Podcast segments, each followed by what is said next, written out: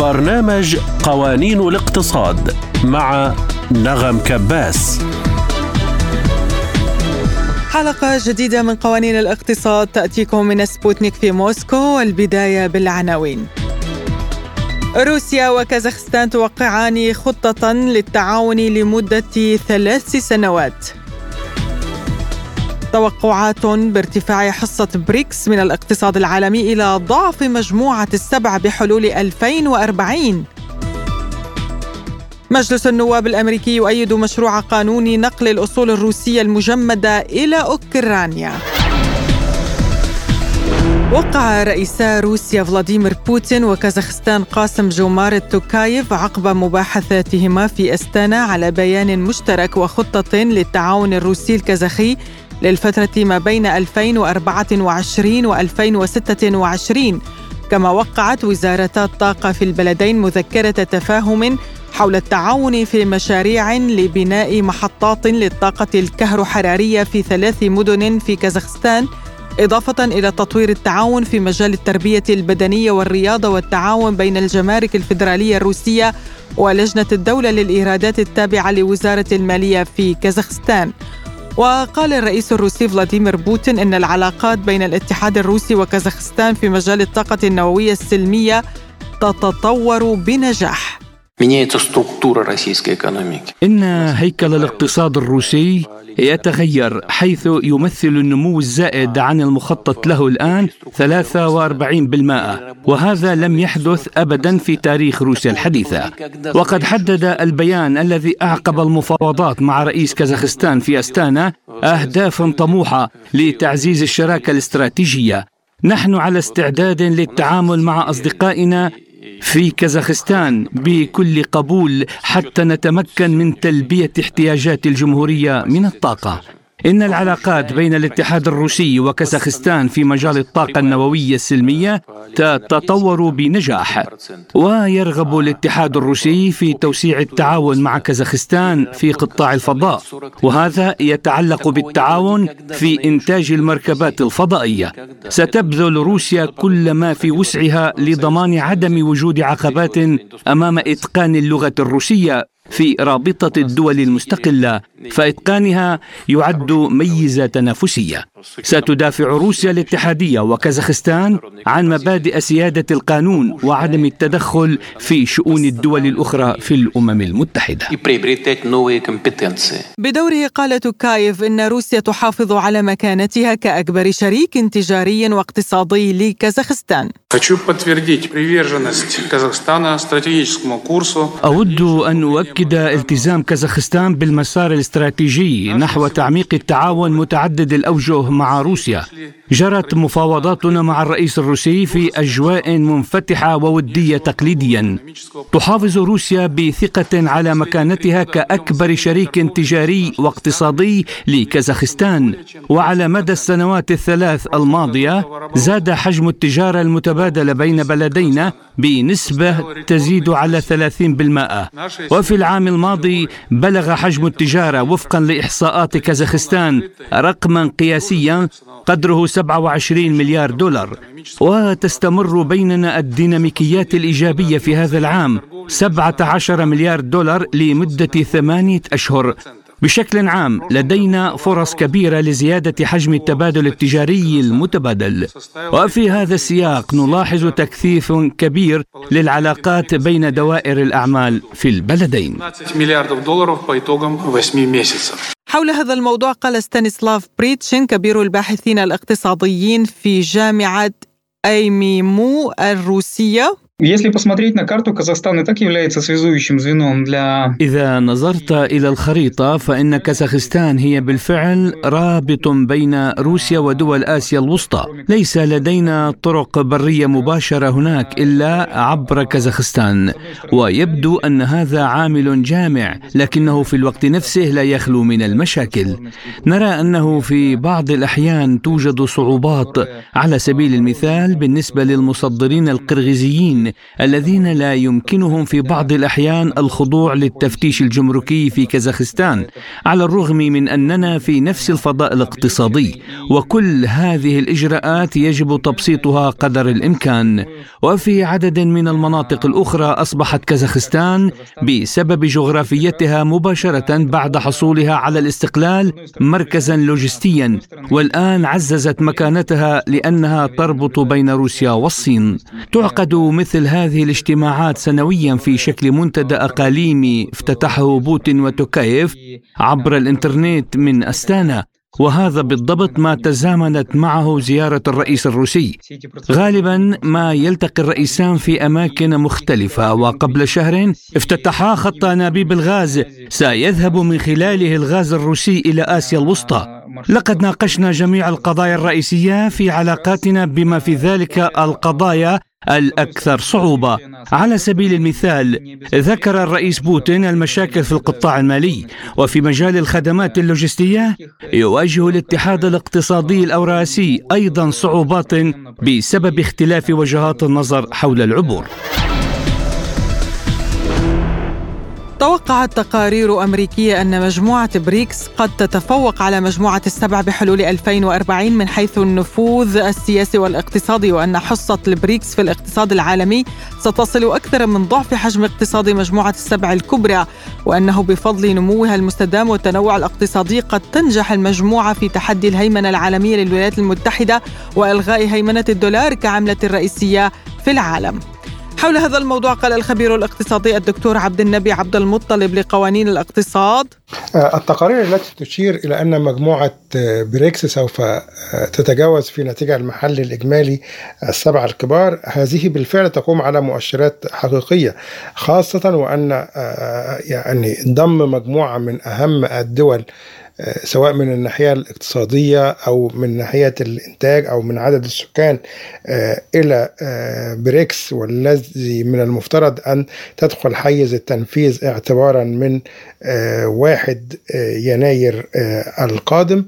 تؤكد أن هذه المجموعة سوف تساهم بالنصيب الأكبر من تحقيق الناتج المحلي الإجمالي وربما تزيد نسبتها في التجارة العالمية عن 60% لكن هذا لا يعني بالتأكيد أن مجموعة بريكس سوف تحل محل مجموعة السبع الكبار. المسألة هنا مختلفة. نحن نتحدث عن زيادة كمية في الإنتاج زيادة نوعية في المساهمة في التجارة العالمية.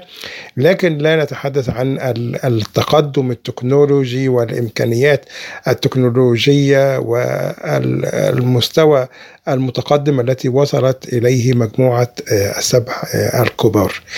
لكن في اعتقادي أن آه، يعني هذا التقدم على الأرض لمجموعة بريكس ربما قد يضع قواعد مهمة لنظام على الأقل اقتصادي جديد يعني لا أريد أن أقول أنه نظام عالمي شامل لكن على الأقل سوف يكون هناك محددات اقتصادية جديدة تضعها مجموعة بريكس.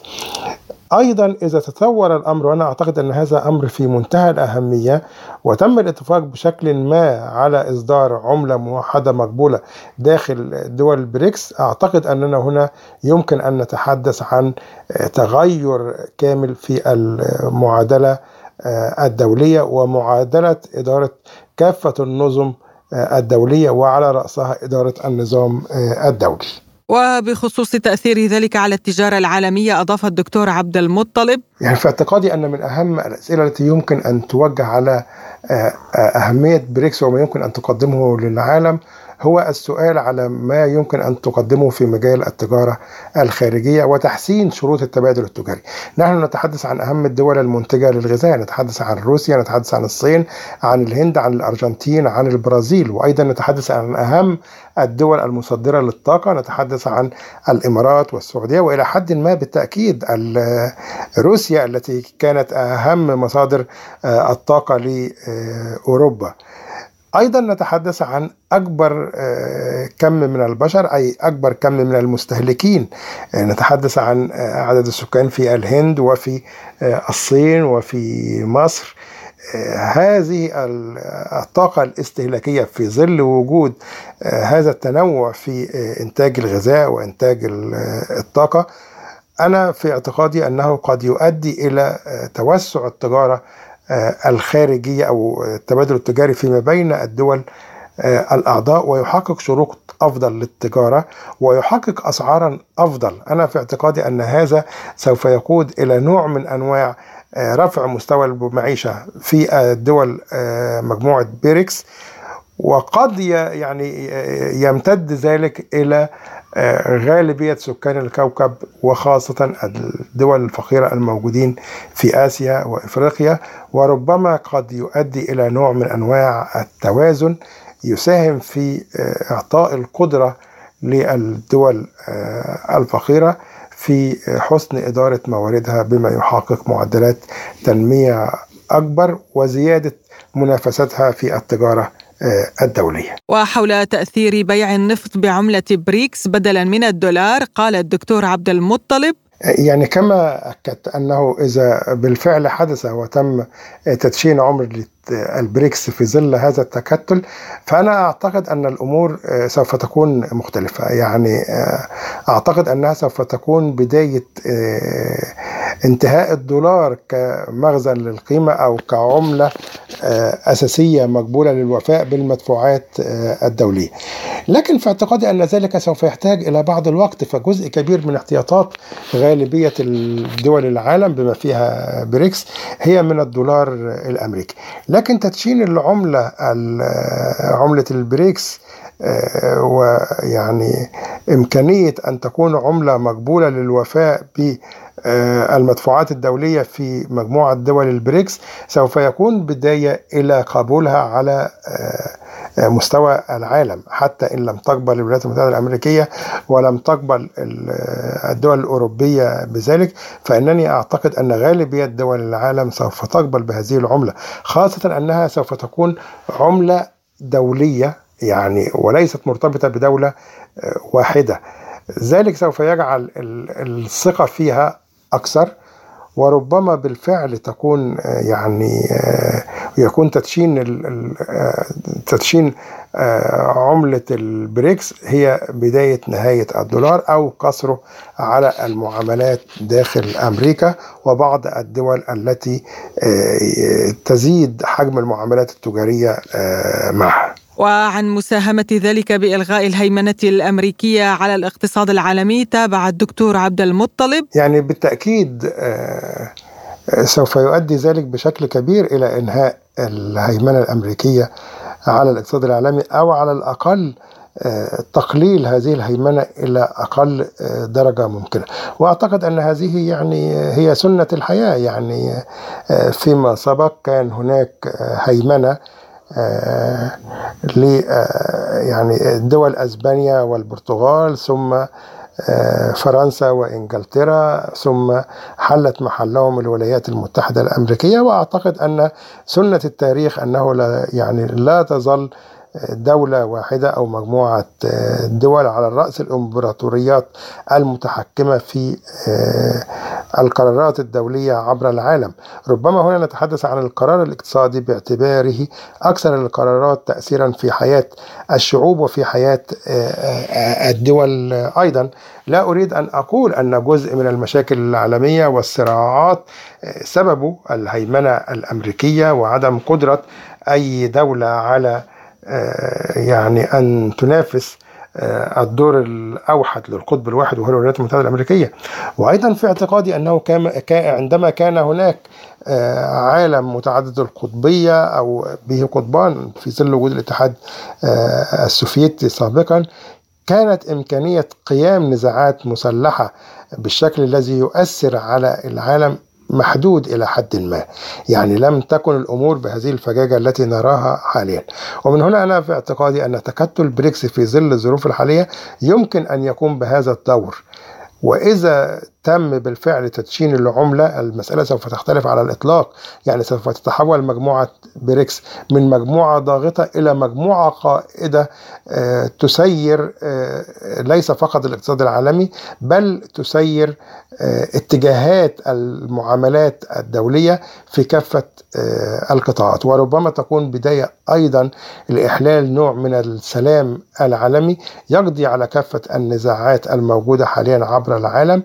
ويفرض نوع من أنواع الاحترام للحدود ولحق الشعوب في تقرير مصيرها وربما يكون هناك أيضا نظام دولي جديد بمعنى الكلمة أي تتغير مؤسسات العالم إذا كنا نتحدث عن الأمم المتحدة نتحدث عن مجلس الأمن حتى نتحدث عن الأحلاف العسكرية الموجودة. آه، تدشين عملة بريكس أنا في اعتقادي سوف يكون علامة تاريخية فارقة بكل آه، المقاييس.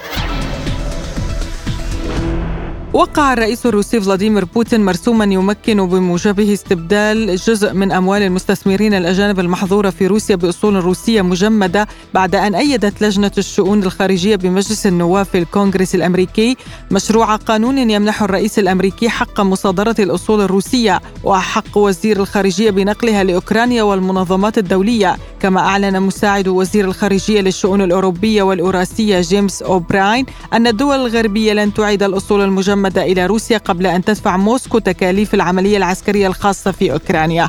وأعلن المتحدث باسم الرئاسة الروسية ديمتري بيسكوف أن الاستيلاء على الأصول الروسية في الخارج سيكون مكلفا لأولئك الذين يقومون بذلك. وهناك إجراءات جوابية لكن من غير المرجح أن تكون بالمثل. لاحظنا هذه الاتجاهات لفترة طويلة سواء في الولايات المتحدة أو في الاتحاد الأوروبي إنهم يتحركون باتجاه مواصلة الاستيلاء بشكل غير قانوني على ممتلكاتنا. وللحديث عن هذا الموضوع ينضم إلينا عبر الهاتف أستاذ الاقتصاد البروفيسور مراد كواشي. أهلا بك دكتور في برنامج قوانين الاقتصاد. أهلا بك يا أستاذة. شكرا جزيلا على الدعوة الكريمة ومرحبا بك وبالمستمعين الكرام. أهلا بك. يعني ما تأثير مصادرة أصول روسية على النظام المالي العالمي برأيك؟ في الحقيقة أن مصادرة الأصول آه، الروسية سوف تؤدي إلى إفقاد الثقة آه، في النظام العالمي. النظام العالمي الذي ما فتئت معظم دول العالم تفتقد آه، الثقة فيه تقريبا منذ منذ عديد السنوات. وهذا الإجراء أي مصادرة الأصول الروسية سوف يزيد من فقدان الثقة في النظام المالي العالمي لأنه نظام جائر يعمل لصالح دول معينة وهي الدول الغربية سواء أوروبية أو الولايات المتحدة الأمريكية على حساب بقية دول العالم بما فيها آه، روسيا. آه، ربما حتى الأمر الذي جعل ربما من بين مظاهر فقدان الثقة في هذا النظام العالمي المالي هو ان العديد من الدول الآن أصبحت آه، تمسك احتياطاتها بالعملة الصعبة بعملات أخرى بغير الدولار تحتفظ بها بغير الدولار وفي بنوك ليست بنوك آه، غربية لأنها تتخوف من أن يتم آه، أو من أن أن تعاود عن هذا النظام من نفس الإجراء الذي اتخذه على على روسيا آه، أن يطبقه عليها.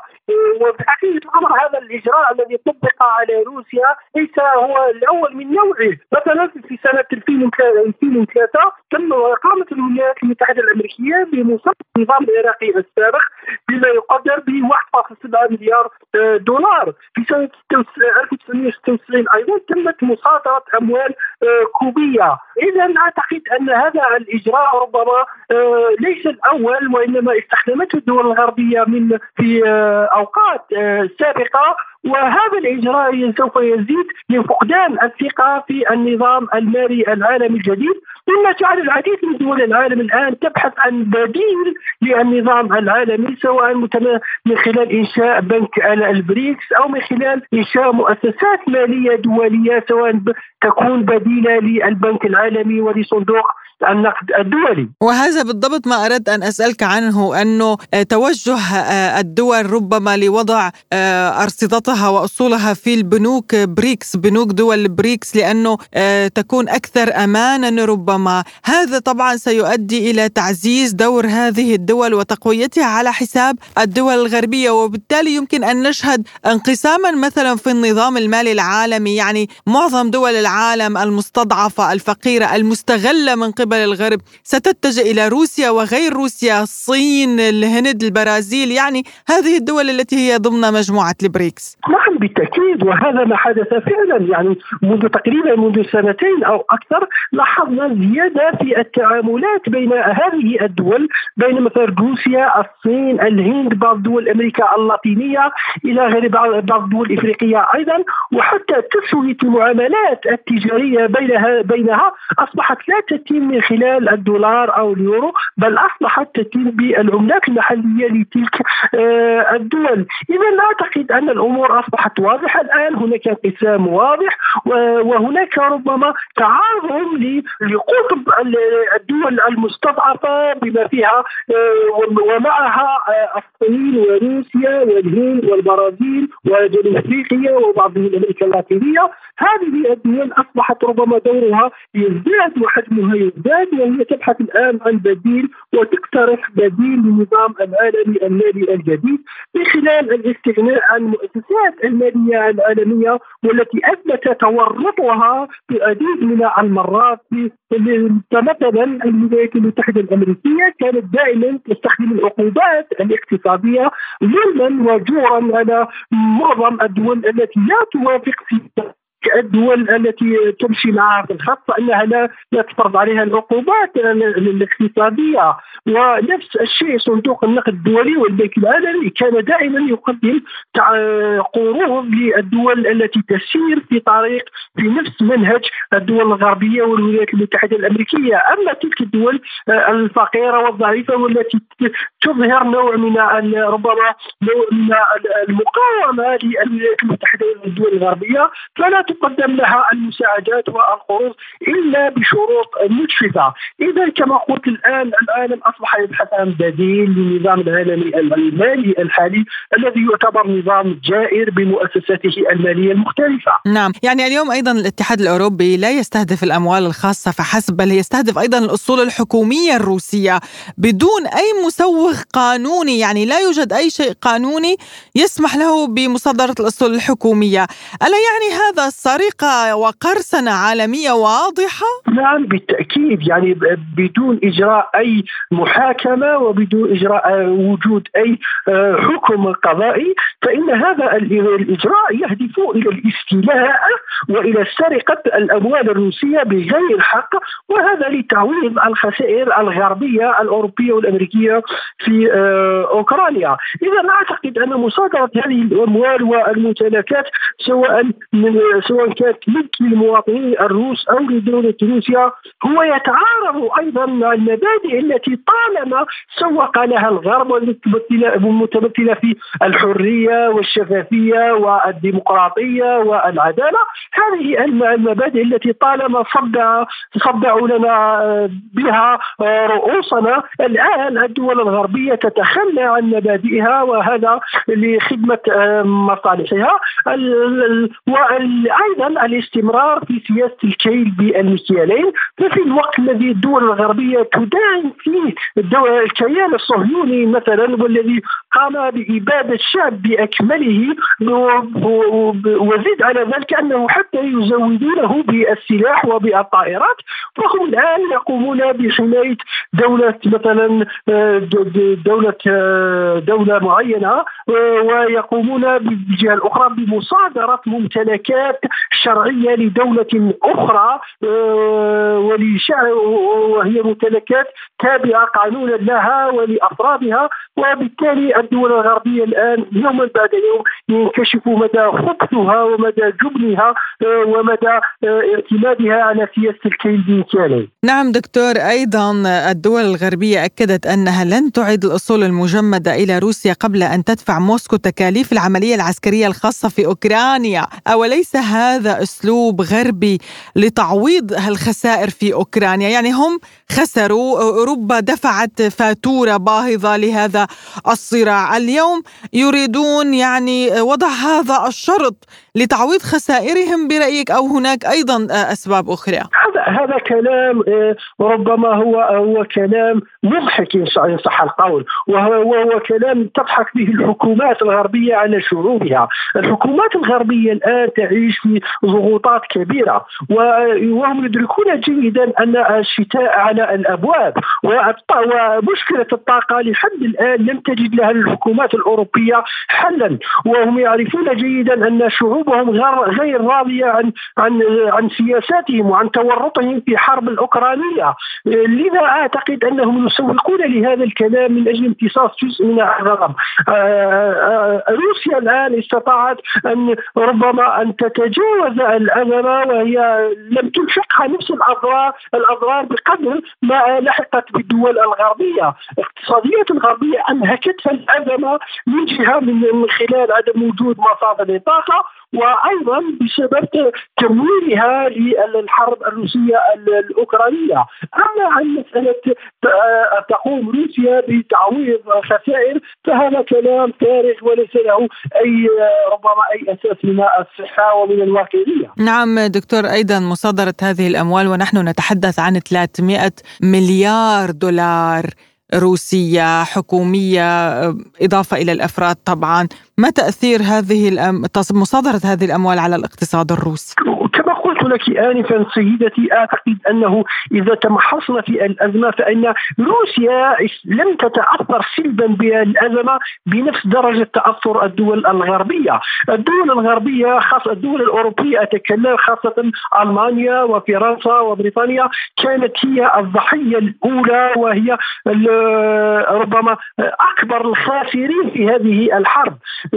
أما روسيا فقد استطاعت أن تجد ربما منافذ لها. فيما يتعلق بقضية 300 مليار دولار هي أموال مجمدة. أعتقد أنها صحيح قيمة كبيرة لكن أعتقد أن إمكانيات روسيا الاقتصادية تمكنها من تجاوز هذه الأزمة آه، وهذا الإجراء بكل أريحية. المشكلة الآن في الدول الأوروبية التي تأثرت كثيرا والتي لحد الآن تورطت في الحرب الروسية الأوكرانية ولم تجد حلا لمشاكلها الاقتصادية خاصة مع استمرار الضغوط الاجتماعية من جهة ومع اقتراب موسم الشتاء المرعب والمخيف داخل الدول الأوروبية من جهة أخرى. نعم شكرا جزيلا لك أستاذ الاقتصاد البروفيسور مراد كواشي كنت معنا عبر الهاتف. شكرا على هذه المداخلة دكتور. وإلى أخبار اقتصادية قصيرة إذ أعلن ولي العهد السعودي الأمير محمد بن سلمان أن المملكة تتطلع إلى ضخ استثمارات جديدة في مختلف القطاعات بما يزيد على 25 مليار دولار وتمويل وتأمين 10 مليارات دولار من الصادرات. إضافة لتقديم 5 مليارات دولار تمويلا تنمويا يضاف إلى إفريقيا حتى عام 2030 مشيرا إلى أن السعودية تحرص على تعزيز التعاون مع الدول الإفريقية بما يسهم في إرساء الأمن والسلام في المنطقة والعالم أجمع وأنه أطلق مبادرة الملك سلمان عبر تدشين مشروعات وبرامج إنمائية في دول القارة بقيمة تتجاوز مليار دولار على مدى عشر سنوات. حذر تقرير للأمم المتحدة من انهيار الاقتصاد الفلسطيني الذي انكمش بنسبة 4% في الضفة الغربية وقطاع غزة في الشهر الأول من الحرب. مما أدى إلى سقوط أكثر من 400 ألف شخص في براثن الفقر موضحا أنه إذا استمرت الحرب للشهر الثاني تتوقع الأمم المتحدة أن ينخفض الناتج المحلي الإجمالي الفلسطيني بنسبة 8.4% أي خسارة قدرها مليار و700 مليون دولار. وتوقع التقرير أنه إذا استمر الصراع للشهر الثالث فسوف ينخفض الناتج المحلي الإجمالي الفلسطيني بنسبة 12% مع خسائر بقيمة مليارين ونصف المليار دولار وسقوط أكثر من 660 ألف شخص في براثن الفقر. أكد سفير البحرين لدى موسكو أحمد عبد الرحمن الساعاتي أن انضمام بلاده إلى مجموعة بريكس سيعزز من مكانتها بالمنطقة وعلى المسرح العالمي من حيث المساهمة في التنمية الاقتصادية والأمن. صعدت أسعار النفط وسط حالة من التفاؤل في الأسواق حول الطلب العالمي على الذهب الأسود إذ ارتفعت العقود الآجلة للخام الأمريكي غرب تكساس الوسيط بنسبة 0.45% إلى 76.08 دولار للبرميل فيما صعدت العقود الآجلة للخام العالمي مزيج برنت بنسبة 0.51% إلى 80.42 دولار للبرميل.